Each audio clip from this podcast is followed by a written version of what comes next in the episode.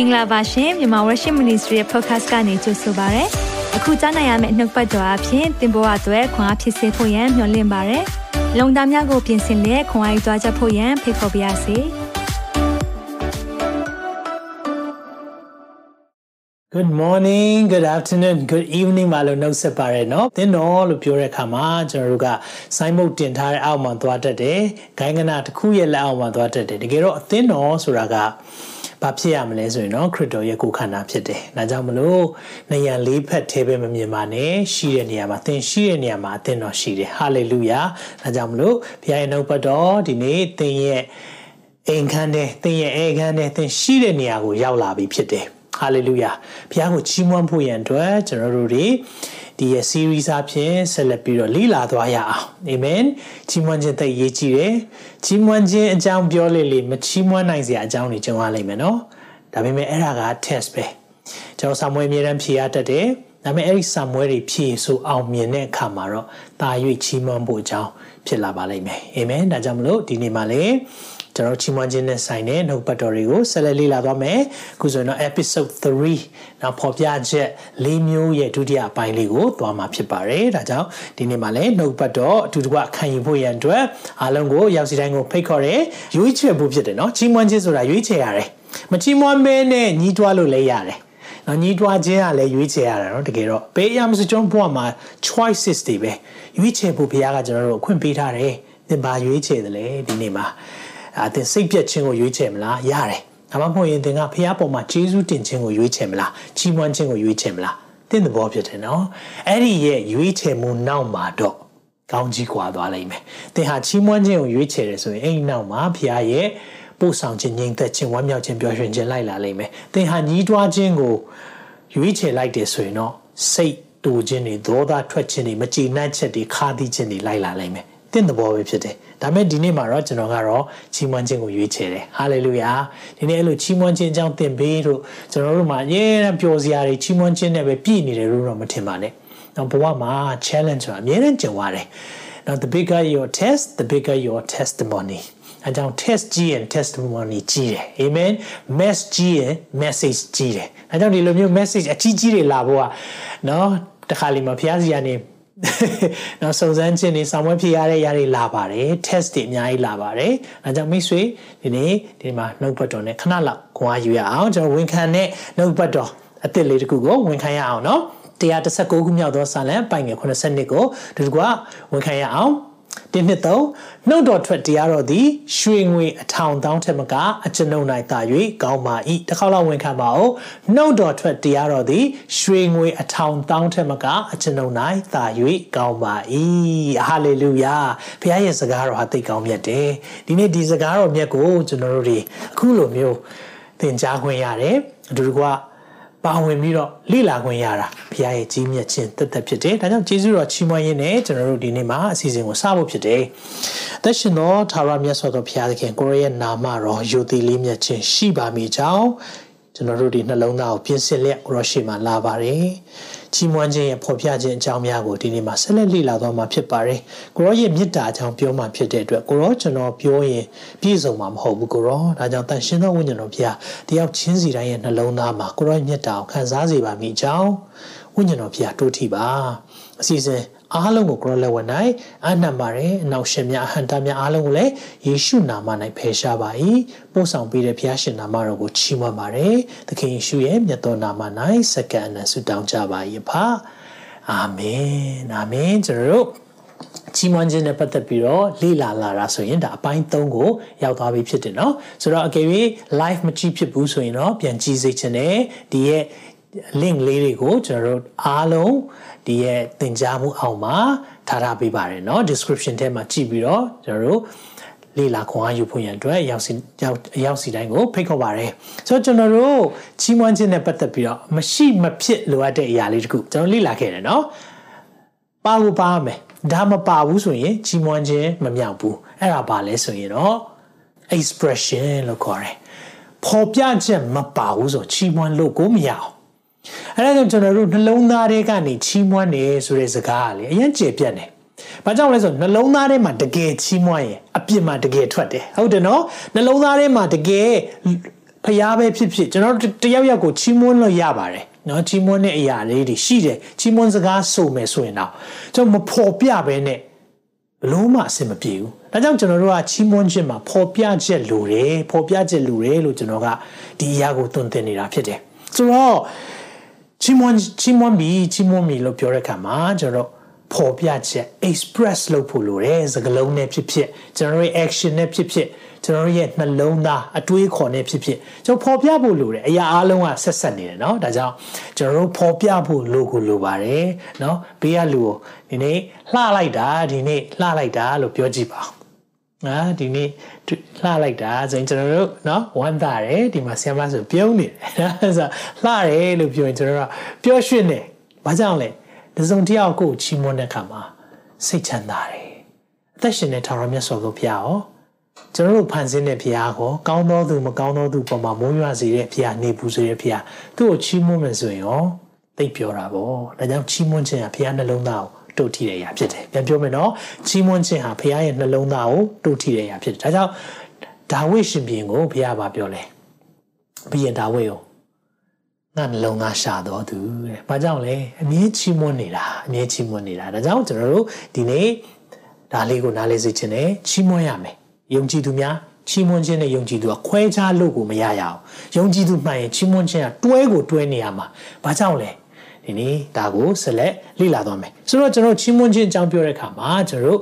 ချီးမွမ်းခြင်းနဲ့ပတ်သက်ပြီးတော့ဖော်ပြချက်၄ခုရှိတယ်။နော်ဒါလေးကိုကျွန်တော်အရင်တော့ကလည်းသင်ဘူးတယ်ဒါပေမဲ့တစ်ခုချင်းစီနည်းနည်းနည်းနည်းဒီတစ်ခေါက်မှသင်မှုတာဖြစ်တယ်။ဒါကြောင့်အရင်ဘက်ကကျွန်တော်တို့နာမတော်ယိုတိလေးမြတ်ခြင်းကိုဖော်ပြခြင်းအကြောင်း ဘလောက်ထိဖျားရဲ့နာမတော်ဟာယိုတိစရာဖြစ်လဲကျွန်တော်တို့လေ့လာခဲ့ပြီးပြီဖြစ်တယ်။လွတ်သွားတယ်ဆိုရင်ဂျေစုပြည့်နားထောင်ပြီးပါเนาะပြန်ပြီးနားဆင်ပြီးပါတစ်ခုနဲ့တစ်ခုဆက်ဆက်မှုရှိနေလို့ဖြစ်တယ်။ဒါကြောင့် for expression ဆိုတာချီးမွမ်းခြင်းလုပ်တယ်ဆိုရင်ဖော်ပြချက်၄ခုလုပ်တယ်။အဲဒီမှာ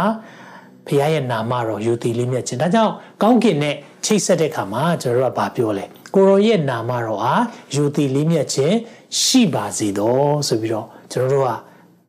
ဖျားနဲ့ကောင်းကင်နဲ့ဆက်ဆက်ဆက်ဆက်မှုရှိတိုင်းမှာဒီအသုံးနှုန်းသုံးတယ်သခင်ကိုယ်တိုင်ကကျွန်တော်တို့တပည့်တော်တွေကိုတခြားဘာမှမသင်ပေးဘူးပထမအဆုံးသင်ပေးတာနာမတော်ယူတည်လေးမြတ်ဖို့နော်ဆိုတော့နာမတော်ယူတည်လေးမြတ်ခြင်းကျွန်တော်အသက်တာမှာပြပြီနော်ဆိုတော့အသက်တာမှာပြတယ်ဒါကြောင့်ဒီနေ့မှာကျွန်တော်ဘာတွေဆက်ပြီးလေ့လာသွားမလဲဆိုတော့ချစ်ချင်းမေတ္တာကိုဖော်ပြခြင်းနော်ဆိုတော့ချစ်တဲ့အကြောင်းဘယ်လိုဖော်ပြမလဲဖះကိုချစ်တဲ့အကြောင်းဖော်ပြတာအချီးမွမ်းတာ ဒါကြောင့်ဒီနေ့ဒီရဲ့နှုတ်ကပတ်တော်ကိုကျွန်တော်တို့လေ့လာသွားမယ်ဒါကြောင့်ချစ်ချင်းမေတ္တာကိုဖော်ပြခြင်းဘယ်လိုဖော်ပြမလဲ adoration เนาะ adoration ဆို adore ဖြစ်တယ်ဆိုတာချစ်ချင်းမေတ္တာမျက်နှိုးတာပေါ့เนาะမြန်မာလိုအနည်းဆက်ဆုံးပြောမယ်ဆိုရင်အာချစ်လိုက်တာကလေးတွေကိုတွေ့ရင် oh you are so adorable ဆိုရင်အဲအရန်ကိုချစ်စရာကောင်းလိုက်တာเนาะဟိုမျက်နှိုးစရာကောင်းလိုက်တာเนาะကျွန်တော်တို့ဒီစကလုံးလေးသုံးတတ်တယ်။ ဒါနဲ့သခင်နဲ့ပတ်သက်ပြီးတော့ကျွန်တော်တို့ကချစ်ချင်းမြတ်တာကိုဖော်ပြမယ် expressing adoration ဘလို့ချစ်ချင်းမြတ်တာကိုဖော်ပြမလဲเนาะဆိုတော့ချစ်ချင်းနဲ့ပတ်သက်ပြီးတော့ကျွန်တော်လူတွေကသိကြပါတယ်เนาะသိတယ်ဆိုတော့ကျွန်တော်မိခွန်းလေးတစ်ခုအာအဖွင့်လေးမှာမင်းကျင်ပါတယ်เนาะဒါလေးကိုကျေးဇူးဖြည့် comment ထဲမှာဖြည့်ပေးပါတယောက်ယောက်ကိုချစ်နေပြီဆိုရင်ဘလို့သိတယ်လဲတဲ့ တယောက်ယောက်ချစ်နေမိပြီเนาะကျွန်တော်တို့ကတော့အခုဆယ်ကျော်သက်တည်မဟုတ်ကြတော့ဘူးဆိုတော့เนาะအာချစ်เนาะကျွန်တော်တို့တွေတယောက်ယောက်ကိုချစ်မိတယ်ဟဟလားအချစ်ကိုတိတတ်တဲ့အရွယ်လေးရောက်လာကြပြီဆိုရင်တယောက်ယောက်ချစ်ပြီဆိုရင်ဘယ်လိုသိလဲเนาะဒါလေးကို comment ထဲမှာရေးပေးပါအောင်เนาะဆိုတော့အဲတယောက်ယောက်ကိုချစ်ပြီဟေးဆိုရင်တော့အကေပြီเนาะကိုအကြောင်းပြောရမှာရှက်တယ်ဆိုရင်ဟောတကယ်ချင်းတယောက်ကတယောက်ယောက်ကိုချစ်နေပြီဆိုတော့သင်ဘယ်လိုသိလဲ तू လာလာစကားမပြောဘူးလားလာစကားပြောလိုက်ရင်အဲ့တယောက်အကြောင်းကြီးပဲလာပြောနေဟုတ်တယ်မလားဟာအဲ့တယောက်ကလေအဲ့လိုပြောတာလေအဲ့တယောက်ကလေဘလို့ဖြစ်တာလေ तू ကလေဘာဖြစ်တစ်ချိန်လုံးသူ့အကြောင်းကြီးပဲကြားနေရတယ်မဟုတ်ဘူးလားဆိုရင်ကျွန်တော်လူတယောက်နဲ့တယောက်ယောက်ကိုချစ်ပြီးဟေးဒါမှမဟုတ်ရင်ကိုတငယ်ချင်းကိုအချစ်ဆုံးတငယ်ချင်းကနော်သူမှနော်ကောင်လေးရှိနေပြီဒါမှမဟုတ်ကောင်မလေးရှိနေဆိုအဲ့ဒီတယောက်ကြောင့်မကြာခဏကြားလိမ့်မယ် အဲဆိုတော့လူချင်းတွေ့ပြီးမိတ်ဆက်တဲ့ခါကျတော့ဟလာဟာနော်ချစ်ဆုံးတငယ်ချင်းပါဆိုအော်ဟုတ်ကဲ့မကြာခဏကြားနေရပါတယ်ဟုတ်တယ်မလားပြောတယ်ဘာကြောင့်လဲသူ့ကိုပဲမြဲတရိရတယ်နော်သူ့အမြဲမြင်ချင်တယ်တဲ့ဟာသူ့အတွက်ပဲလုပ်ပေးချင်တယ်တဲ့ဟာလာသူ့အကြောင်းတွေ့ရင်လို့လို့ပြုံးနေတော့တာတဲ့ကြည်လူတယောက်ကိုချစ်ပြီးဆိုရင်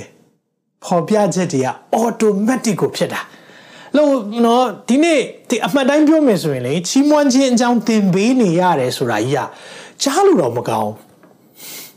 ယုံကြည်သူတွေကိုဖះကိုချီးမွမ်းဖို့သင်ပေးနေရတယ်ဆိုတာကြီးอ่ะလေတကယ်တော့သဘာဝလုံးဝမကြောက်ဘာကြောင့်လဲဖះကဒီလောက်ချစ်ဖို့ကောင်းတာသင်ကိုဒီလောက်ချစ်တယ်ဖះသူ့ကိုဘယ်လိုချီးမွမ်းရမလဲဆိုတာကြီးอ่ะသင်ပေးရတယ်ဆိုတော့နည်းနည်းတော့မဟုတ်သေးဘူးเนาะ automatic ကိုဖြစ်နေရမှာ အဲကြောင့်လူတယောက်ကိုချစ်မိပြီဆိုရင် automatic ပဲအာသူ့အကြောင်းတွေတွေးပြီသူ့အကြောင်းတွေစဉ်းစားပြီသူနဲ့ဖုန်းပြောခြင်းပြီသူနဲ့တော့တွေးခြင်းပြီဟုတ်လားသူ့အကြောင်းတော့အမြဲတမ်းစဉ်းစားနေတော့တာဒါပဲအဲကြောင့်ဒီနေ့အာချီးမွမ်းခြင်းမှာနော်ချစ်ချင်းကိုပေါ်ပြရတာဖြစ်တယ်လို့ပြောတဲ့အခါမှာတော့ဒီနေ့ကျွန်တော်တို့ကချစ်ဖူးကြပါတယ်နော်ချစ်တတ်ကြပါတယ်ဆိုတော့ချစ်တတ်တဲ့သူတိုင်းက အချစ်ကြောင်သင်ပေးစရာတော့မလိုပါဘူးเนาะအားလုံးကသိမှာပါတောင်ဆိုတော့เนาะဆရာမနဲ့ကျွန်တော်ဆိုလဲအဲကျွန်တော်တို့ long distance relationship ပေါ့เนาะအဲ့လိုသွားတဲ့အခါမှာအဲကျွန်တော်တို့အတယောက်နဲ့တယောက်เนาะသူသူက Melbourne မှာအဲ့တော့ကျွန်တော်က London မှာကျွန်တော်လက်မထခင်ပေါ့เนาะအဲ့လိုဆိုတော့ကျွန်တော်တယောက်နဲ့တယောက်အဝေးမှာရှိနေတဲ့အချိန်ဆိုရင်ကျွန်တော်တို့က ဖုန်းလေးပြောခြင်းနဲ့နော်ဖုန်းပြောခြင်းတဲ့အခါမှာ तू ကမနဲ့ဆိုရင်ကျွန်တော်ကညဖြစ်သွားပြီကျွန်တော်ကညနေ तू ကျွန်တော်ကမနဲ့ဆိုရင် तू ညအဲ့လိုမျိုးပေါ့နော်အချိန်ကမကိုက်နိုင်ဘူးဒါပေမဲ့တော့မနဲ့ထားမှလည်းသိတယ်ဒါပေမဲ့ညလည်းဖုန်းပြောခြင်းတယ်သူ့အတန်လေးကြားခြင်းတယ်ဘာကြောင့်လဲသူ့အတန်ကြားရင်စိတ်ချမ်းသာတယ်ကိုကချစ်နေတာဟုတ်လားနော်ထုံးနည်း၎င်းပဲဒီနေ့ကျွန်တော်တို့ဖះကိုချစ်တယ်ဆိုရင်ကော ဖះကိုချစ်တယ်ဆိုရင်ဖះအကြောင်းမစင်စားတယ်ဖះရဲ့အကြောင်းမပြောချင်တာလူတွေကိုဖះနဲ့ပတ်သက်ပြီးတော့ဟုတ်လား तू ဟိုဘက်ကကြားခြင်းချင်းမကြားခြင်းချင်းကိုတငယ်ချင်းနော်ကောင်လေးတယောက် crash ရှိတယ်ဟာလားကို crash ဖြစ်ပြီးဆိုရင်အဲ crash အကြောင်းပဲပြောတော့တယ်ဒီနေ့ဖះနဲ့ရောကိုရဲ့ crash ကိုရဲ့ first love ပထမဦးဆုံးနော်အချစ်ဦးဟာဖះပဲဖြစ်ရမှာ အဲ့ဒီချိန်မှာဆိုသူ့အကြောင်းဆိုရင်ဟိုဘက်ကကြားခြင်းချင်းမကြားခြင်းချင်းပြောနေတော့တာဟုတ်တယ်နော်ဒါကြောင့်ကျွန်တော်ဒီပြောင်းလဲကာစခရိယန်တွေတိတ်သဘောကျတယ်ဘာလို့သူတို့ရဲ့ပါဇက်ထဲမှာလေဖျားရဲ့မေတ္တာကြီးပဲပြောနေတာအဲဖျားရဲ့ကောင်းကြောင်းပြောနေတာကိုကတော့အေးပါအေးပါကြားမှုပါတယ်သိပါတယ်ဟုတ်ပါတယ်ဟုတ်ပါပြီအေးပါနေကအခုမှကြုံတာဟုတ်လားကျွန်တော်ရဲ့စိတ်ထဲမှာပြန်ပြောတတ်တယ်ဒါမဲ့ကျွန်တော်တို့အဲ့ဒီရှေးဦးမေတ္တာရော့သွားဖို့မဟုတ်ဘူး အဲတော့အေးဖက်အသင်းတော်နော်ဗျာဒိတ်ထဲမှာဆိုရင်ကျွန်တော်တို့အေးအသင်းတော်ခုနှစ်ပါးလေ့လာခဲ့ပူးကြပြီအိဖက်အသင်းတော်ဘာပြောလဲဟာစူးစားတယ်နော်ရန်ဖျားအတွက်အသက်ရှင်နေကောင်းတယ်ဒါပေမဲ့တခုလိုတယ်နော်တဲ့ရှေးဦးမြတ်တာရောနေပြီအရင်တော့ချစ်တဲ့မြတ်တာရောနေပြီတဲ့အကြောင်းကျွန်တော်တို့ဒီနေ့မှာပြန်လဲပြီးတိုးဝင်ရအောင်အာမင်ဒီနှုတ်ပတ်တော်တွေကိုနားဆင်တဲ့အခါမှာကျွန်တော်ကျမရှေးဦးမြတ်တာရောနေပြီလားဖះကိုချစ်တဲ့မြတ်တာတွေရောနေပြီလား ဒီနေ့ကျွန်တော်ပြန်လဲပြီးခွန်အားယူရအောင်အာမင်ချစ်တတ်ကြတယ်ချစ်ဖူးကြတယ်ဒါဆိုရင်ဘလို့ချစ်ရမလဲဆိုတာကျွန်တော်သင်ပေးစရာမလိုပါဘူးလူတိုင်းမှာဖခင်ကနှလုံးသားထည့်ထားပြီးသားဒါကြောင့်ကျွန်တော်တို့ချီးမွမ်းတယ်လို့ပြောတဲ့အခါမှာအရေးကြီးတဲ့အချက်လေးတွေကျွန်တော်လေ့လာသွားဖို့ဖြစ်တယ်အာမင်ဆိုတော့ ဒီနေ့မှာနော်အခြေပြုကျမ်းစာလေးကိုကျွန်တော်မာကုခရစ်ဝင်ကျမ်းခန်းကြီး7အငယ်30ဒါလေးကိုပြောပြချင်တယ်အားလုံးကျွန်တော်နဲ့အတူ action လေးလုပ်ပြီးတော့မှတ်မှတ်မိသွားအောင်ကျွန်တော်လုပ်ကြည့်အောင်ရင်းလဲလုပ်ဘူးတယ်တစ်ခါတော့ပြန်လုပ်ကြည့်အောင်နော်အပေါ်လက်ညှိုးထိုးပေးပါလက်နှစ်ချောင်းလုံးထိုးပေးပါနော်ဖုန်းကင်ထားရင်လည်းခဏလောက်ချပေးပါနော်သင်ဖျားခင်ထာဝရဘုရားကိုလိုက်ဆိုပေးပါသင်ဖျားခင်ထာဝရဘုရားကိုဒီကိုထိုးရအောင်နော်စိတ်နှလုံးအကျဉ်းမဲ့ဉာဏ်ရှိသမျှအစွမ်းတတ္တိရှိသမျှနဲ့ ချစ်လောတဲ့ပုံလေးလုပ်ရအောင်နော်ဟုတ်ပြီနော်ပြန်လုပ်ကြည့်အောင်သင်ဖျားသခင်သာရဖျားကိုစိတ်နှလုံးကျွင့်မဲ့ဉာဏ်ရှိသမျှစွမ်းတတ်သည့်ရှိသမျှနဲ့ချစ်လောဟာလေလုယာဒါကြောင့်ကျွန်တော်တို့ဖျားကိုချစ်ဖို့ဟာစိတ်နှလုံးအကျွင့်မဲ့အကုန်ပါတယ်နော်ဉာဏ်လည်းပါတယ်နော်အစွမ်းတတ်သည့်ရှိသမျှအကုန်ပါတယ်ဒါကြောင့်ဖျားကိုချစ်တယ်လို့ပြောတိုင်းမှာကျွန်တော်တို့ကအကုန်ပါတယ်အဲ့ဒါနဲ့ချစ်ဖို့ဘုရားကပထမပညာတဲ့ first commandment ပြီးရင် ကျွန်တော်တို့ကိုနောက်တစ်ခုလောက်ခိုင်းတဲ့အရာပါလဲဆိုကိုနဲ့ဆက်ဆိုင်သောသူကိုကိုနဲ့အများချစ်ပါတဲ့ကိုနဲ့ဆက်ဆိုင်တာ love your neighbors ဒါဆိုကိုရဲ့အိမ်နီးနားချင်းကဘယ်သူတွေလဲအားလုံးပေါ့ယုံကြည်သူတွေအားလုံးနော်မယုံကြည်သူတွေပါတယ်ကိုနဲ့ဆက်ဆိုင်တဲ့သူတိုင်းကိုနဲ့အမြဆိုကိုကိုကိုချစ်တယ်လို့ပဲချစ်ပါတဲ့ဒါကားတဲ့ဒီလိုမျိုးထက်ဒီပြည့်ညက်တွေထက်ကြီးတဲ့ပြည့်ညက်မရှိဘူးတဲ့ဆိုတော့ ကျွန်တော်ပြည့်ညက်ကြောင်းတွေကိုပြောလာတဲ့အခါမှာဟာကျွန်တော်တို့ကိုပြည့်ညက်အောက်ကိုပြန်ပို့နေတာလားကျွန်တော်တို့ကဂျေဇုတော်လို့ပြောတဲ့အခါမှာရှင်မာကုခရစ်ဝင်ကျမ်းလို့ပြောတဲ့အခါမှာသခင်ယေရှုကကျွန်တော်တို့ကိုပြည့်ညက်ပေးတဲ့အရာတွေရှိတယ်လိုက်လို့ရမယ့်အရာတွေလှုပ်ဆောင်စေခြင်းတဲ့အရာတွေရှိတယ်ဆိုတော့အရင်တော့ကတော့ကျွန်တော်တို့ကိုအပြည့်ညတ်တော်10ပါเนาะဆိုတော့မောရှိအပြင်ကျွန်တော်တို့ကိုပေးတယ်ပြည့်ညတ်တော်10ပါအဲ့ဒီအရာလေးတွေရှိတယ်ဆိုတော့အခုချိန်ထိတချို့ကလည်းပြည့်ညတ်တော်10ပါကိုသွေးမသွေးเนาะ လိုက်လိုက်လိုက်နေတဲ့သူတွေရှိတယ်နော်မကောင်းမပြောပါဘူးဒါပေမဲ့အဲ့ဒီပြည့်ညက်တွေစောင့်ရှောက်ခြင်းကြောင့်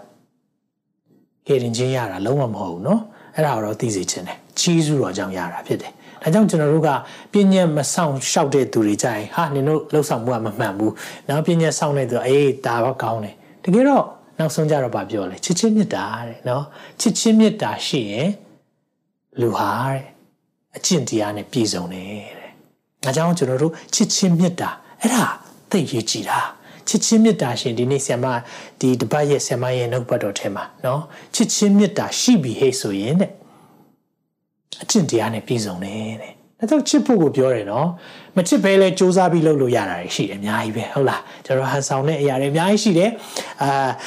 တခုခုစားတော့ပြီးတော့အော်ရန်ကောင်းတယ်နော်ဒါပေမဲ့အဲ့ဆိုလဲဘာလို့မကုန်တာလဲဆိုဘိုက်သိမ့်မစားလို့အမှန်သိမ့်မကောင်းဒါပေမဲ့ကျွန်တော်ကအဲ့ဒါကိုမပြောချင်တဲ့အခါမှာလောကွတ်ချော်ပြီးတော့နော်ပါဇက်လေးလှပြီးတော့လှုပ်တယ်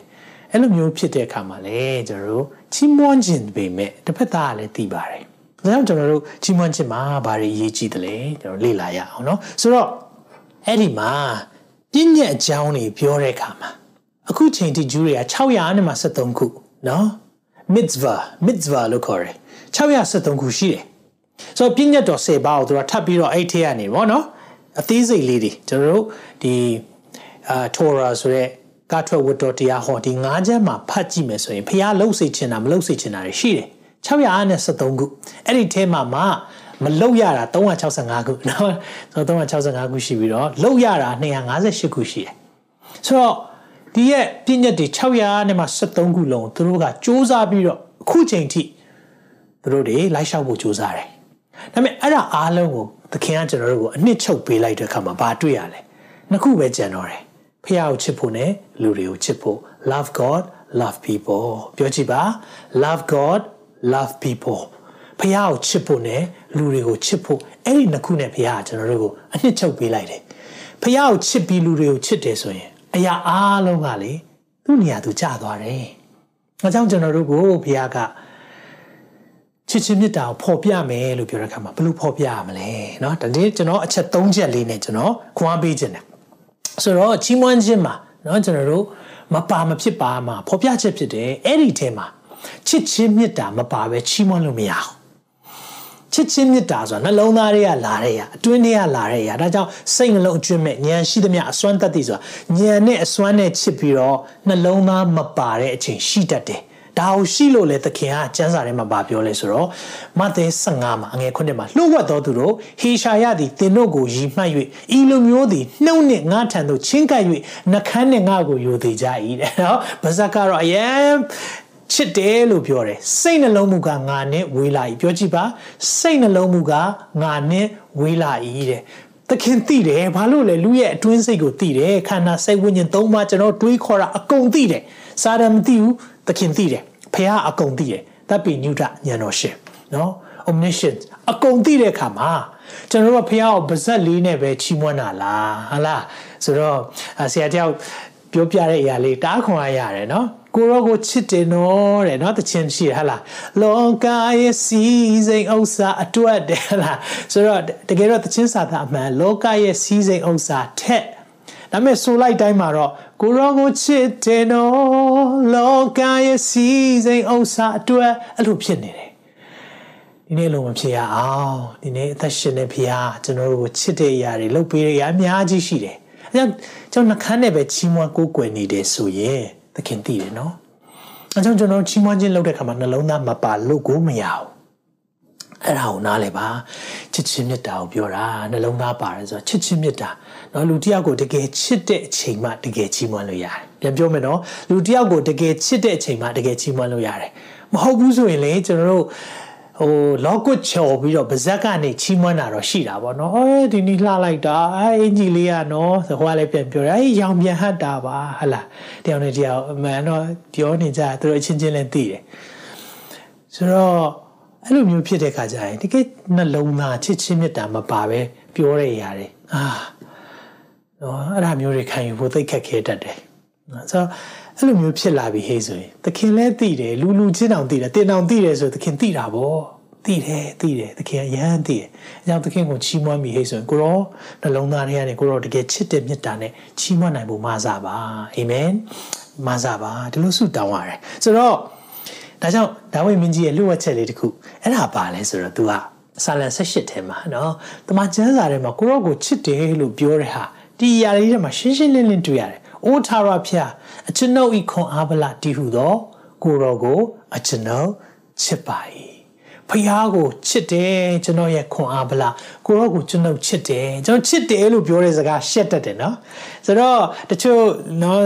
အိမ်ထောင်သက်အများကြီးကြာပြီတခါမှချစ်တယ်မပြောဘူးတာလည်းရှိတယ်။အဲအရင်တော့ကတော့ပြောကောင်းပြောလိုက်မယ်နော်စာပြီးတော့ကျွန်တော်ချစ်ကြိုက်တဲ့သမီးစားကာလမှာအခုချိန်မှာချစ်တယ်လို့ပြောတာရှားသွားပြီလား အဲတော့ကျွန်တော်တို့မြန်မာ culture ပေါ့နော်မြန်မာယဉ်ကျေးမှုမှာအာချစ်တယ်နော်လို့ပြောတဲ့အရာပါဇက်ထဲမှာမထွက်ဘူးမထွက်နိုင်ဘူးဘလုံးမအောင်ဟလာကြိတ်ပြီးတော့ချစ်တယ်လို့ပါတော့ဟလာနှလုံးသားထဲကနေအဲ့လိုရှိတတ်တယ်ဒါမဲ့ကျွန်တော်နှလုံးသားထဲကပဲကြိတ်ချစ်တာတဲ့နော်နှလုံးသားထဲမှာပါပြီးတော့ချစ်တယ်ပြောလိုက်ရင် တစ်ဖက်သားလည်းခွာဖြစ်တယ်ထိုနည်း၎င်းပဲဖះအောင်နှလုံးသားတွေကကြိတ်ပြီးချစ်တယ်မှန်ပါတယ်ကောင်းပါတယ်နှလုံးသားပါဖို့လိုတယ်ဒါပေမဲ့ကိုရော့ကိုကျွန်တော်ချစ်တယ်နော်ဒါဝိမင်းကြီးကတော့မရှက်ဘူးသူရှင်ပြင်းမဲ့အဲ့ဒီတော့ဖះကိုချစ်တယ်တို့ဖះကိုလေဒီလိုရင်းရင်းနှီးနှီးဆက်ဆံတယ်ဆိုတာမျိုးอ่ะအဲ့ဒီတော့အချိန်မှာဆိုရင်ဖះကိုရမ်းကြောက်ပြီးတော့တို့ကနေတဲ့အချိန်မှာသူ့ရဲ့ပြောဆိုမှုတွေရေးသားမှုတွေသူ့တည်ဆိုမှုတွေကဘေးရလူတွေအတွက်ဆိုအထူးဆန်းဖြစ်နေမှာဟာကြည့်ပါဦးဖះကိုချစ်တယ်ပြောတယ် သူချီးမွမ်းတဲ့အခါမှာလေဖះကိုချစ်ကြောင်းထွက်ကိုထွက်လာတာဒါကြောင့်ကျွန်တော်တို့တကယ်ချစ်တယ်เนาะအရင်ဘက်ကလည်းပြောတယ်ကျွန်တော်တို့ဘောလုံးအသင်းကိုအားပေးတယ်ဒါချီးမွမ်းတာအားပေးတယ်ဆိုတာချီးမွမ်းတာအမြန်မာပြည်မှာဆိုမန်ယူကြိုက်ကြတယ်မန်ယူဟလာမန်ယူကိုသွင်းလိုက်ပြီဆိုရင်တော့ဟာအကြီးကျယ်စိတ်နှလုံးသားတွေကပျော်တဲ့ခါမှာအပြင်မှာထွက်လာတယ်ကိုတဲ့အကြီးကျယ်အော်တယ်လက်ထုတ်လက်မောင်းတီလေထဲမှာเนาะအာတခါတည်းလက်သီးတွေပါထိုးတငယ်ချင်းတွေနဲ့ဖက်အဲ့ဒါကြတော့မရှက် ဘူးဘာကြောင့်မရှက်လဲနှလုံးသားတွေကတကယ်ချစ်ချင်းမေတ္တာနဲ့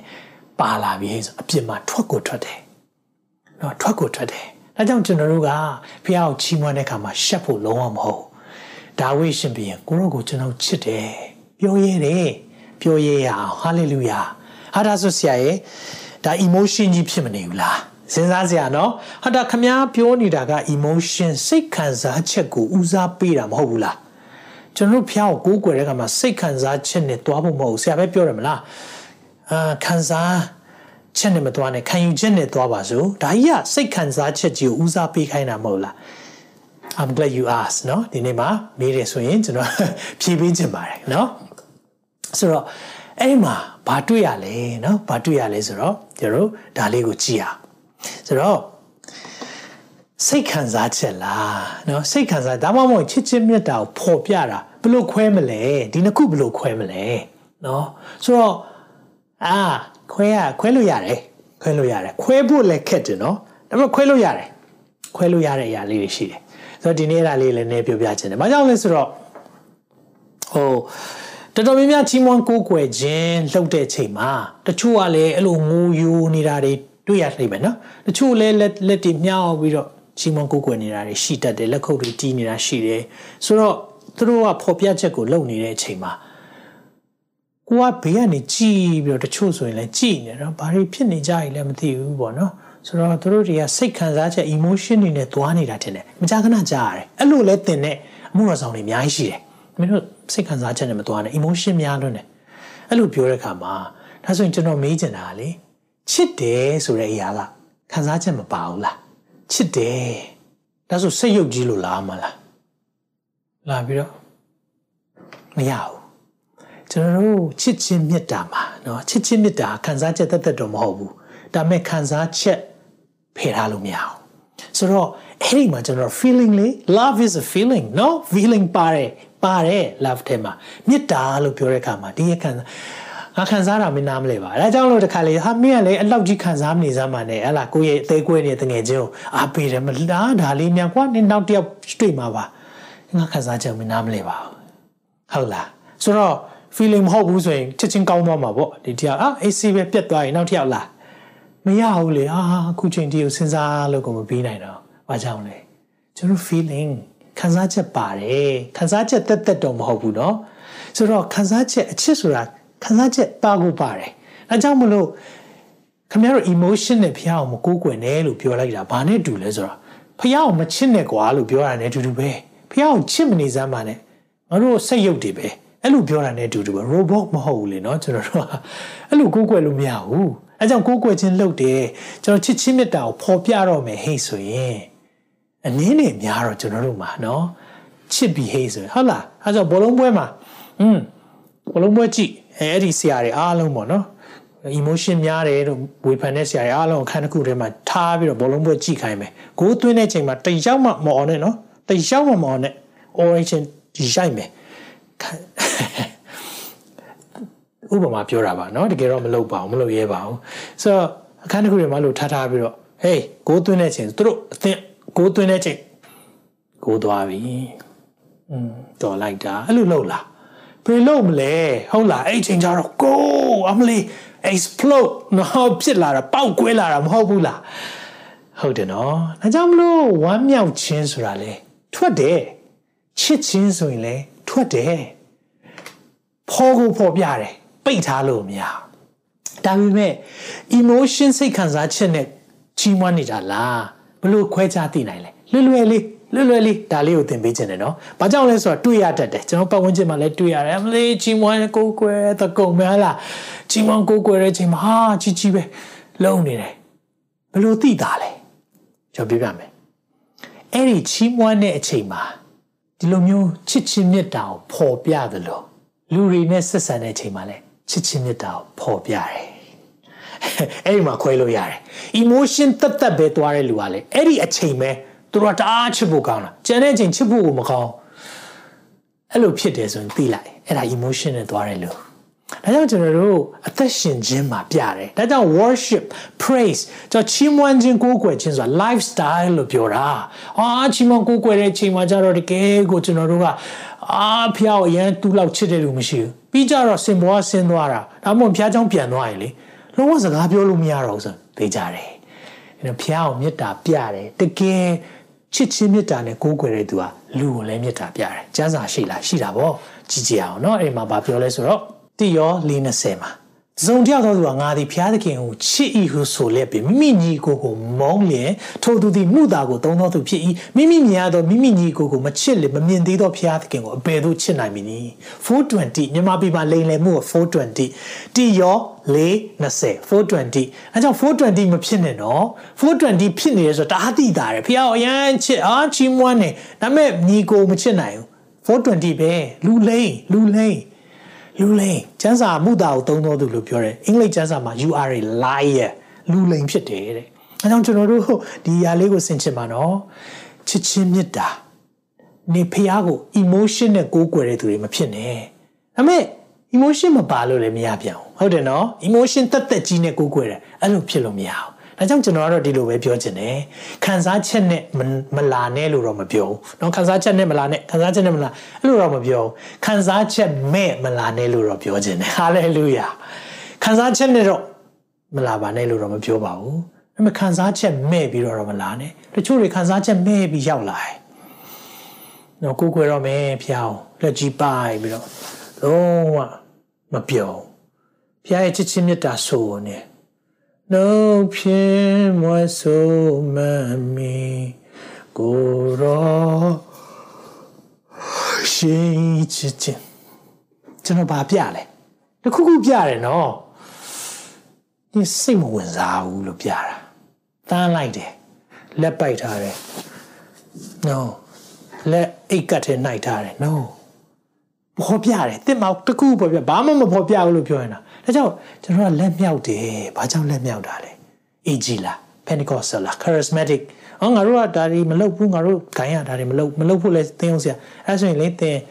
တခုတော့ဖြေရှင်းရလိမ့်မယ်ဘာကြောင့်မလို့ဒါဝိမင်းကြီးကကျွန်ုပ်လက်ကိုချီ၍အဲ့ဒါလက်မြောက်တာကိုပြောတာလက်ကိုလက်ကိုချီ၍ကိုရောကိုချီးမွမ်းပါမီကိုကိုွယ်ပါဘာလို့တစ်ချိန်လုံးပြောလဲဒါဆိုရင်ဒါဝိမင်းကြီးကအေဂျီလား ဒါဝိမင်းကြီးက Pentecostal လားဒါဝိမင်းကြီးက charismatic လားမဟုတ်ဘူးနော်မိတ်ဆွေဒါမဟုတ်ဘူးကျွန်တော်တို့ခံယူချက်မှားနေကြတာပြင်ပေးပါရစေအဲကြောင့်ချီးမွမ်းတယ်ဘာကြောင့်လက်မြောက်လဲကိုရောလက်လက်မြောက်ခြင်းနဲ့ကောင်းကြီးပေးတာကိုလည်းပြတယ်နော်နောက်တစ်ခုကလက်မြောက်ပြီးတော့ကိုရောကိုကောင်းကြီးပေးမယ်လို့ပြောတယ်နောက်တစ်ခုကကျွန်တော်လက်မြောက်ပြီးတော့ကျွန်တော်တို့အရှုံးပေးတာကိုရောကျွန်တော်ခွန်အားနဲ့တော့မတက်နိုင်ဘူးအဲကြောင့်ကိုရောကိုအားကိုတယ်အာမင် ဒါကြောင့်ကျွန်တော်တို့တွေဒီအရာလေးတွေအစသိဖို့လိုတယ်အဲကြောင့်ချစ်ချင်းမေတ္တာပြတာချီးမွမ်းခြင်းပါအာမင်ချီးမွမ်းခြင်းပါပြတာချီးမွမ်းခြင်းပါဒါကြောင့်မလို့ခံစားချက်နဲ့မလာနဲ့လို့တော့မပြောခံစားချက်မဲ့ပြီးတော့မလာပါနဲ့ ချီးမွမ်းကိုးကွယ်ခြင်းလုပ်တော့မယ်ဆိုခံစားချက်မဲ့ပြီးတော့မလာပါနဲ့ robot မဟုတ်ဘူးကျွန်တော်တို့ကစိတ်ရုပ်တွေမဟုတ်ကြဘူးခံစားချက်ရှိတဲ့သူတွေဖြစ်တယ်အဲကြောင့်ချစ်ချင်းမြတ်တာဘုရားကကျွန်တော်ရွေးချယ်ခွင့်ပေးတယ်သူသာကျွန်တော်တို့ကိုချီးမွမ်းကိုးကွယ်ခြင်းကိုဒီတိုင်းအတန်ကြားခြင်းနဲ့ဆိုရင်ကဲငါ့ကိုချီးမွမ်းဖို့ဒီမှာဒီမှာတော့ဖန်ဆင်းထားမယ်နော်ဘုရားစိတ်ရုပ်ပဲဖန်ဆင်းလိုက်တော့မှာပေါ့ဒီနေ့ကျွန်တော်တို့ရဲ့ချစ်ချင်းမြတ်တာအထဲကလာတဲ့အရာကိုသူလိုချင်တဲ့အခါမှာရွေးချယ်ခိုင်းတယ် free will အရာအားလုံးကရွေးချယ်ခွင့်ပေးထားတယ် ဒါကိုမိတ်ဆွေနားလေတယ်ဆိုရင်ဒီနေ့သင်ပါကိုရွေးချယ်မလဲအာမင်ဒီမှာနှစ်ချက်ကိုကြည်ရအောင်တိုး၍သိလေတိုး၍ချစ်လေဒီနေ့ချီးမွမ်းတဲ့အခါမှာချစ်တယ်လို့ပြောတဲ့အခါမှာဖះကိုချစ်တယ်ဖះဘသူလဲဖះဘသူလဲဖះကိုချစ်တယ်လို့ပြောတဲ့အခါမှာဖះဘသူလဲသိလာလေလေဖះတင့်ပုံမှာဘလောက်ထိလှုပ်ပေးတာကိုသိလာလေလေအဲ့လိုပိုသိလေလေပိုချစ်လေလေပဲကိုယ့်ရဲ့ဆိုးတဲ့အရာတွေ အားလုံးကိုသိတယ်နော်ကျွန်တော်တို့သူများပြောတာတက်ကိုကိုအသိဆုံးဖြစ်တယ်ကိုမပြည့်စုံတဲ့အရာတွေသူများပြောတာတက်ကိုအသိဆုံးဖြစ်တယ်အဲ့လိုရှိတဲ့လူဟာသခင်ကကျွန်တော်တို့ကိုအဲ့ဒီအရာတွေအားလုံးကိုယ့်ရဲ့မပြည့်စုံခြင်းတွေကိုပြည့်စုံခြင်းဖြစ်ပြောင်းလဲပေးတယ်ကိုယ့်ရဲ့မစုံလင်ခြင်းကိုစုံလင်ခြင်းနဲ့လဲလှယ်ပေးတယ်လို့သိတဲ့အခါမှာအဲ့ဒီမေတ္တာကြီးကမခံနိုင်ဘူးကျွန်တော်မခံနိုင်ဘူးအဲ့ဒီအချိန်မှာဖះကိုချစ်တဲ့စိတ်ဖះအကြောင်းကိုသိလေလေ ဖះကိုချစ်တဲ့စိတ်ကပိုများလေလေပဲဒါကြောင့်လေဖះကိုကြိုးစားပြီးတော့ချစ်ဖို့တွေလုပ်ကြတယ်နော်ပြည့်ညတ်တော်လိုက်ရမယ်နော်ဥပုပ်ဆောင်ရမယ်နော်အခါလေးမှာကျွန်တော်တကယ်လိုတာလေဖះရဲ့မြတ်တာဘလောက်ကြီးမားသလဲဆိုတာတာ၍သိလာတဲ့အခါမှာကြိုးစားစရာတော့မလို automatic ကိုဖြစ်တာအဲကြောင့်ကျွန်တော်တို့ကကိုယ့်ကိုချစ်တဲ့လူကိုပြန်ချစ်ရတာလွယ်တယ်မလား လွယ်တယ်လွယ်တယ်။အော်ဒီတယောက်ကကိုယ်အရန်ချစ်တယ်ဆိုတာသိတယ်ဆိုရင်သူ့ကိုချစ်ရတာလွယ်တယ်။ဒါပေမဲ့ဒီတယောက်ကိုအမြဲတမ်းဝေဖန်နေတယ်မချစ်ဘူးဆိုရင်အဲ့လူကိုချစ်ရတာခက်လားလွယ်လား။ခက်တယ်ခက်တယ်။အဲကြောင့်ဖះတင့်ကိုချစ်တယ်ဆိုတာသင်ယုံလား။ဖះတင့်ကိုချစ်တယ်ဆိုတာတမန်တရားအမှန်တရား is the truth ဒါဆိုရင်သင်အဲ့ဒီအရာပေါ်မှာပြန်ပြီးတုံ့ပြန်ဖို့လွယ်လားခက်လား။လွယ်လွယ်လေးဖြစ်ရမှာ။ ဖះသင်ကိုသိချစ်တယ်ဘယ်လောက်ချစ်တယ်လဲဒီနေ့ကျွန်တော်ပုံဖော်ကြည့်မယ်နော်ပုံဖော်နိုင်မှာတော့မဟုတ်ဘူးဖះရဲ့မြတ်တာကြီးမားလို့နေကျွန်တော်စကလုံးနဲ့ဖော်ပြလို့တောင်မှဘလို့မှမရနိုင်ဘူးဒါပေမဲ့တန်ရှင်သောဝိညာဉ်တော်အခုချိန်မှာသင်ရဲ့နှလုံးသားထဲမှာစကားပြောပါစေအာမင်ဖះရဲ့မြတ်တာဘယ်လောက်ကြီးမားလဲကျမ်းစာထဲမှာတနေရာမှာတွေ့ရတယ်ယောမ ငါအငယ်ရှင်းမှာငါတို့သည်အပြစ်ရှိစဉ်ပင်ခရစ်တော်သည်ငါတို့အတွက်ကြောင့်အသေးခံတော်မူသည်ဖြစ်၍ဘုရားသခင်သည်ငါတို့ကိုအဘယ်မျှလောက်ချစ်တော်မူသည်ကိုငါတို့အားထင်ရှားစွာ ပြတော်မူ၏ဘုရားဘယ်လောက်ချစ်တယ်လဲငါတို့သည်အပြစ်ရှိစဉ်ဆိုတာအပြစ်ရှိတဲ့သူနဲ့ကျွန်တော်တို့နဲ့အပြစ်ကင်းတဲ့တန့်ရှင်းတဲ့ဘုရားကရံဘက်ဖြစ်နေတာအဲ့ဒီအချိန်မှာရန်သူ ငါတို့ဒီအပြစ်ရှိစဉ်ပင်လို့ပြောတဲ့သဘောကပါလဲဆိုတော့ဖယားကသင်ငါသူ့ရဲ့ရန်သူဖြစ်နေတဲ့အချိန်မှာပင်လဲခရစ်တော်ပေးတယ်ဆိုတော့သူ့ရဲ့အကောင်းဆုံးတလောကလုံးရဲ့တန်ဖိုးအရှိဆုံးအရာကိုပေးလိုက်တာလွယ်လွယ်လေးပြောမယ်ဆိုသင်အယံမုံမိကြည့်မရတဲ့သူကိုသင်ရဲ့အကောင်းဆုံးအရာပေးဖို့ဒီနေ့ကျွန်တော်တို့အဲ့ဒါလေးကိုကျွန်တော်နားလည်အောင်လည်းပြောပြချင်တယ်နော်ဆိုလောကမှာကျွန်တော်တို့ နော်သိမချစ်တဲ့လူတွေရှိတယ်အရန်ချစ်တဲ့လူတွေရှိတယ်နော်အရန်ချစ်တဲ့လူကိုကျွန်တော်ပေးခြင်းကြပါတယ်နော်ပေးခြင်းတယ်ဒါပေမဲ့သိမချစ်တဲ့လူဒါမှမဟုတ်ကိုယ်မုံမှန်နဲ့တီးတဲ့လူကိုပေးဖို့ကအရန်ခက်တယ်နော်ဒါပေမဲ့ဖះကလုပ်ခဲ့တယ်အာဗြဟံပြောတယ်မင်းရဲ့သားငါ့ကိုပေးပါတဲ့ဒါပေမဲ့တကယ်မယူသွားဘူးဒါပေမဲ့သိမကြောက်ဖခင်ကကျွန်တော်တို့ကိုသူ့ရဲ့သားကြတော့ပေးလိုက်တယ်ကြောင့်ဖခင်ကသူ မပေးနိုင်တဲ့အရာဘယ်တော့မှမတောင်းသူမပေးနိုင်တဲ့အရာလုံးဝမတောင်းသင်တယ်မှာအာဗြဟံကိုပြောတယ်မင်းရဲ့သားပေးပါဒါပေမဲ့သူတကယ်ပေးနိုင်လားပေးနိုင်တယ်ဖခင်ကသူ့သားပေးနိုင်ဒါကြောင့်ဖခင်ကလေပေးပါလို့ပြောရင်ယုံလိုက်ပါဘာကြောင့်လဲဆိုတော့ तू အဲ့ဒီထက်ကောင်းတဲ့အရာတင်အတွက်ပြင်ဆင်ထားလို့ဖြစ်တယ်။ ဒါပေမဲ့တင့်နှလုံးသားမှာအကျဉ်ရက်နိုင်တင်တို့ဗန္နာရှိ၏ထိုရက်နိုင်တင်တို့စိတ်နှလုံးရောက်တယ်။ကျွန်တော်တို့ကြိုက်တဲ့အရာတွေကျွန်တော်တို့ချစ်မြတ်နိုးတဲ့အရာတွေမှာပဲကျွန်တော်တို့စိတ်ကရောက်နေတာ။ကျွန်တော်နှလုံးသားအဲ့ဒီမှာရောက်နေတာ။ဒါပေမဲ့တင်ဟာဘုရားကိုချစ်မယ်။ဘုရားကိုကြိုက်မယ်ဆိုရင်တော့တင်ရဲ့နှလုံးသားဘုရားစီမှာရောက်မှာ။အကြောင်းငါတို့ဒီအပြစ်ရှိစေဘုရားတင်ကိုဘယ်လောက်ထိချစ်လဲသိလား။တင်ရန်သူဖြစ်တဲ့အချိန်မှာတော့သူ့ရဲ့အကောင်းဆုံးပေးရတယ်။ဒါဆိုရင်စမ်းကြည့်ရအောင်လေနော်သင်တိတ် စင်မပြေတဲ့သူတယောက်ကိုသင်ရဲ့ mobile လေးဖုန်းလေးပေးမလားဒီနေ့သင်ရဲ့အကောင်းဆုံးမဟုတ်သေးဘူးเนาะသင်မှာအိမ်ရှိကောင်းရှိမယ်ကားရှိကောင်းရှိမယ်သင်ရဲ့အတန်ဖို့အကြီးဆုံးမပြောပါနဲ့အောင်သင်အိမ်ကပစ္စည်းလေးတစ်ခုမသုံးတော့တဲ့ပစ္စည်းလေးတစ်ခုကိုသင်သင်တိတ်ကြည့်လို့မရတဲ့သူကိုအိမ်သွားပြီးတော့နင်းတွက်ငါဒါလေးပေးခြင်းလို့ပါလောက်နိုင်မယ်ထင်လားသိခက်တယ်နော်ဒါပေမဲ့ဖခင်က သင်ဟာသူ့ရဲ့ယံသူဖြစ်နေတဲ့အချိန်မှာပင်လေအကောင်းဆုံးယေရှုကိုပေးရတယ်ပေးတယ်အကြောင်းဒီမှာနှုတ်ပတ်တော်ပြန်ဖတ်ကြည့်အောင်ငါတို့ဒီအပြစ်ရှိစဉ်ပင်သူ့ရဲ့ယံသူဖြစ်တဲ့အချိန်မှာခရစ်တော်ဒီငါတို့အတွက်ကြောင့်သိခံတယ်ဖခင်ကလေခရစ်တော်ပေးရတယ်ငါတို့ကိုဘလောက်ချစ်တယ်လဲဆိုတာထင်ရှားစွာပြတယ်ဟာလေလုယာအဲ့ဒါဘုရားရဲ့မြတ်တာဘုရားရဲ့မြတ်တာအလောက်ထိကြီးမာတာအာမင်အဲကြောင့်ကျွန်တော်တို့ဒီနှုတ်ပတ်တော် အားလုံးလို့ရတယ်ယော36ဖျားသခင်သားတော်ကိုယုံကြည်သောသူပေါင်းတို့သည်ဖြစ်စီခြင်းတို့မရောက်ထာဝရအသက်ကိုရစေခြင်းကဖျားသခင်သည်မိမိ၌တပါးသည်သောသားတော်ကိုစွန့်တော်မူသည့်တိုင်အောင်လောကီသားတော်ကိုချစ်တော်မူ၏ဒီနေ့ဖျားကသင်ကိုသိချစ်တယ်ဘလောက်ထိချစ်လဲ သင်ရန်သူဖြစ်တဲ့အချိန်မှာပင်လဲသင်သူ့ကိုမသိတဲ့အချိန်မှာပင်လဲသင်အပြစ်ထဲမှာနစ်မွန်းတဲ့အချိန်မှာပင်လဲသင်သူ့ကိုသူ့ရဲ့စကားတွေကိုစန့်ကျင်ပြီးတွားနေတဲ့အချိန်မှာပင်လဲသင်ကိုချစ်တယ်အလောက်ထိကောင်းမြတ်တဲ့ဖခင်ဖြစ်တယ်ဒါဆိုကျွန်တော်တို့ကဘာကြောင့်ဖခင်ကိုမချစ်နိုင်တာလဲဒီနေ့တခုပဲလိုတာဒီနေ့ကျွန်တော်တို့ဖက်ကနေဖခင်ကိုဘာကြောင့်မချစ်နိုင်လဲဖခင်ရဲ့ချစ်ခြင်းကိုသိလေလေ သူ့ကိုချစ်လေလေအဲကြောင့်တိုး၍သိလေတိုး၍ချစ်လေဒီနေ့ဖះကိုဖះရဲ့မေတ္တာကိုတိုး၍သိလေလေတိုး၍ချစ်တယ်ဒီဖះကကျွန်တော်တို့အကောင်းဆုံးပြင်ဆင်ထားတယ်ဆိုတာသိလာလေလေသူ့ကိုပိုလဲယုံရဲတယ်သူ့ပိုလဲပေးရဲတယ်အဲ့လိုပေးတဲ့အခါမှာဖះပိုပြီးပေးပြန်ရော you can never outgive god ဖះကိုကြိုပြီးပေးလို့မရအောင်ဖះပေးတာပုံများတယ်။ဒါကြောင့်ကျွန်တော်တို့ ချစ်ချင်းမပါပဲချီးမွမ်းလို့လုံးဝမရဘူးတိုး၍သိမှပဲတိုး၍ချစ်တာဖြစ်တယ်ဒီချက်နဲ့အဆုံးသတ်မယ်အဲ့ဒါပါလဲဆိုရင်တော့သခင်ရဲ့သခင်ကိုချစ်ခြင်းသခင်ကိုချစ်တယ်ဆိုတာကလေသခင်ရဲ့ချစ်ခြင်းကိုတုံ့ပြန်တာကြီးပဲเนาะကျွန်တော်တို့ဘက်ကစချစ်တာမဟုတ်ဘူးကျမ်းစာတွေကလည်းတိကျပြောထားတယ်เนาะတိယောလေး19မှာဖျားသခင်သည် ငါတို့ကို ရှေးဥစွာချစ်တော်မူသောကြောင့်ငါတို့သည်ဖျားသခင်ကိုချစ်ကြ၏အတူတကွဖတ်ကြည့်အောင်ဖျားသခင်သည်ငါတို့ကိုရှေးဥစွာချစ်တော်မူသောကြောင့်ငါတို့သည်ဖျားသခင်ကိုချစ်ကြ၏ဒါကြောင့်သင်ကလေဖျားကိုဟာကျွန်တော်ကတော့ဖျားအယမ်းချစ်တယ်မဟုတ်ဘူးဖျားချစ်တဲ့မြတ်တာကိုသိလာလို့တုံ့ပြန်တာ။ဟောဒီတယောက်ဖះကိုရမ်းချစ်တယ်နော်ကျွန်တော်ပြောတတ်တယ်။တကယ်တော့အဲ့လိုမဟုတ်ဘူး။ तू ကဖះချစ်တာကိုပူသိနေတဲ့တယောက်ဖြစ်တယ်။ အဲတော့သင်ဟာဖះရဲ့ချစ်တဲ့မြတ်တာဘယ်လိုပိုသိမလဲ။နှုတ်ဘတ်တော်ဖတ်ဖို့လိုတာပေါ့။တမန်ကျမ်းစာတွေနားထောင်ဖို့လိုတာပေါ့။ခုလိုဟောပြောချက်တွေနားထောင်ဖို့လိုတယ်။အဲ့လိုဖြစ်လာတဲ့အခါမှာသင်နှလုံးသားထဲမှာနှုတ်ဘတ်တော်အလုံးလုံးတဲ့အခါမှာဖះရဲ့တရားစကားတော်တွေအလုံးလုံးတဲ့အခါမှာကျွန်တော်တို့ကကြိုးစားပြီးလုပ်တာမဟုတ်တော့အထဲကနေဖះကိုချစ်တဲ့မြတ်တာနဲ့လုပ်တာဖြစ်သွားတယ်။အဲကြောင့်လူလူလားလားကြီးကိုလူလူလားလားကြီးကိုကျွန်တော်တို့ဘက်ကပြန်တုံ့ပြန်တာ။ အဲကြောင့်မိတ်ဆွေဒီနေ့ဖခင်ရဲ့မေတ္တာ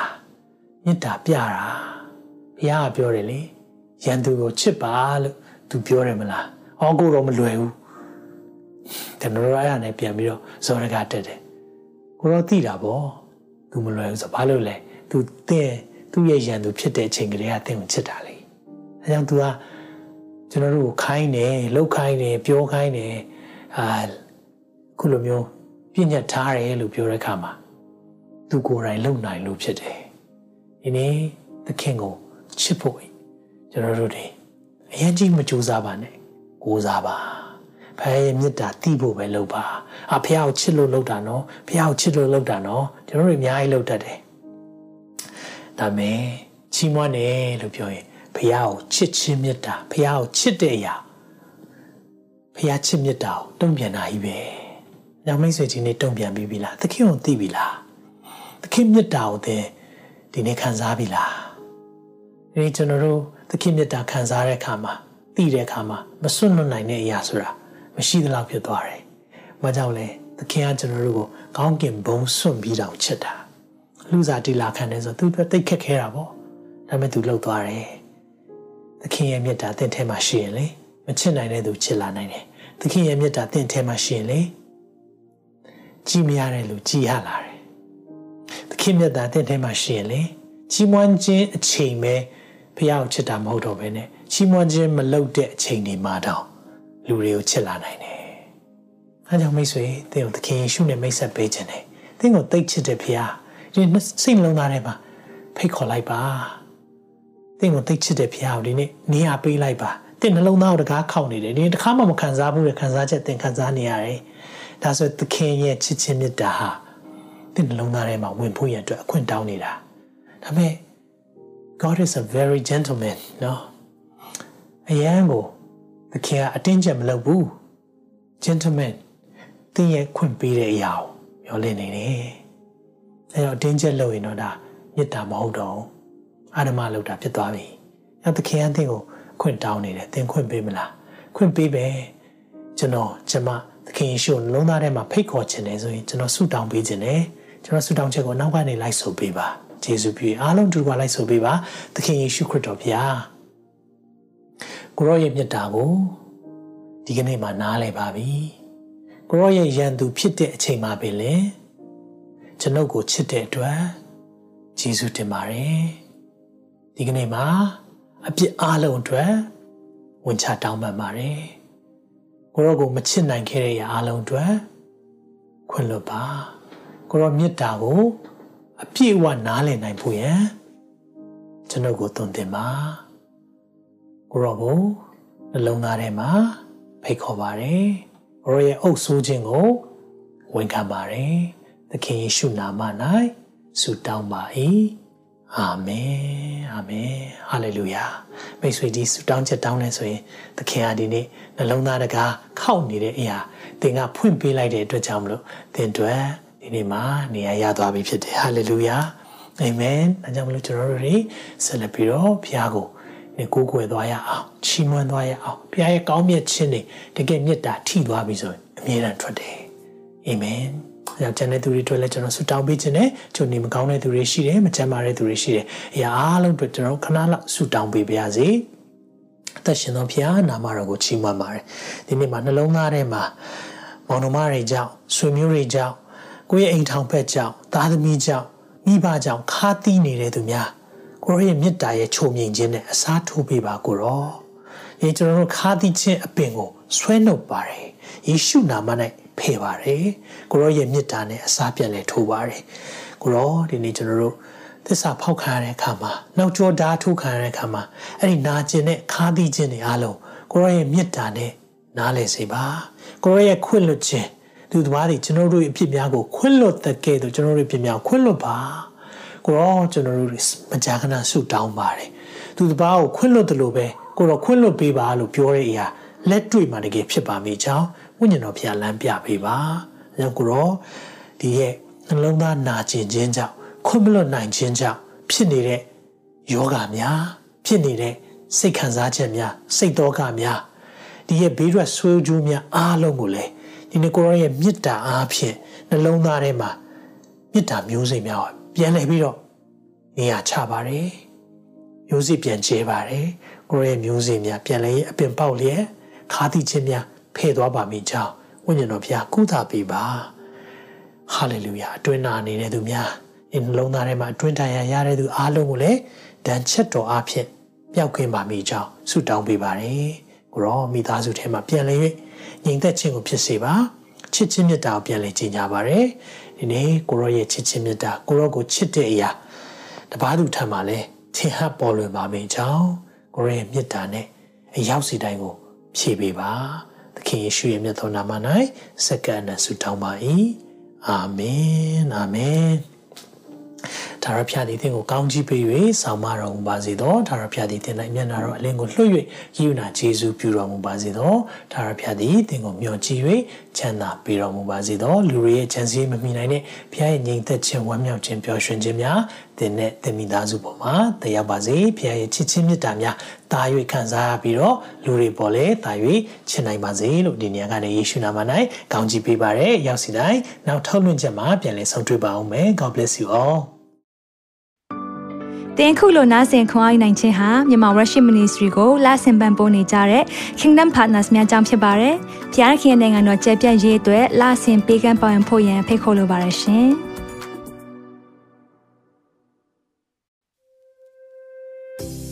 အခုကြားနာခဲ့ရတဲ့နှုတ်ပတ်တော်အဖြစ်ခွန်အားရရှိမဲ့လို့ယုံကြည်မျှော်လင့်ပါတယ်။ခွန်အားရဆိုလို့ရှိရင်ဒီတစ်ပတ်နဲ့ပြန်လည်ဝင်မြပေးဖို့ရန်တောင်းဆိုပါရစေ။ Myanmar Worship Ministry ရဲ့ website myanmarworship.com ကိုလည်းလာရောက်လေ့လာဖို့ရန်တက်ဖိတ်ခေါ်ချင်ပါတယ်။တစ်ချိန်တည်းမှာ Myanmar Worship Ministry ရဲ့ social media platform များဖြစ်တဲ့ Myanmar Worship YouTube Channel, Myanmar Worship Facebook Page နဲ့ Myanmar Worship Instagram များကိုလည်းလာရောက်လေ့လာဖို့ရန်အတွက်ဖိတ်ခေါ်ချင်ပါတယ်။နောက်တစ်ချိန်မှာပြန်လည်ဆုံတွေ့ကြပါစို့။ဖျားရှင်ကောင်းကြီးပေးပါစေ။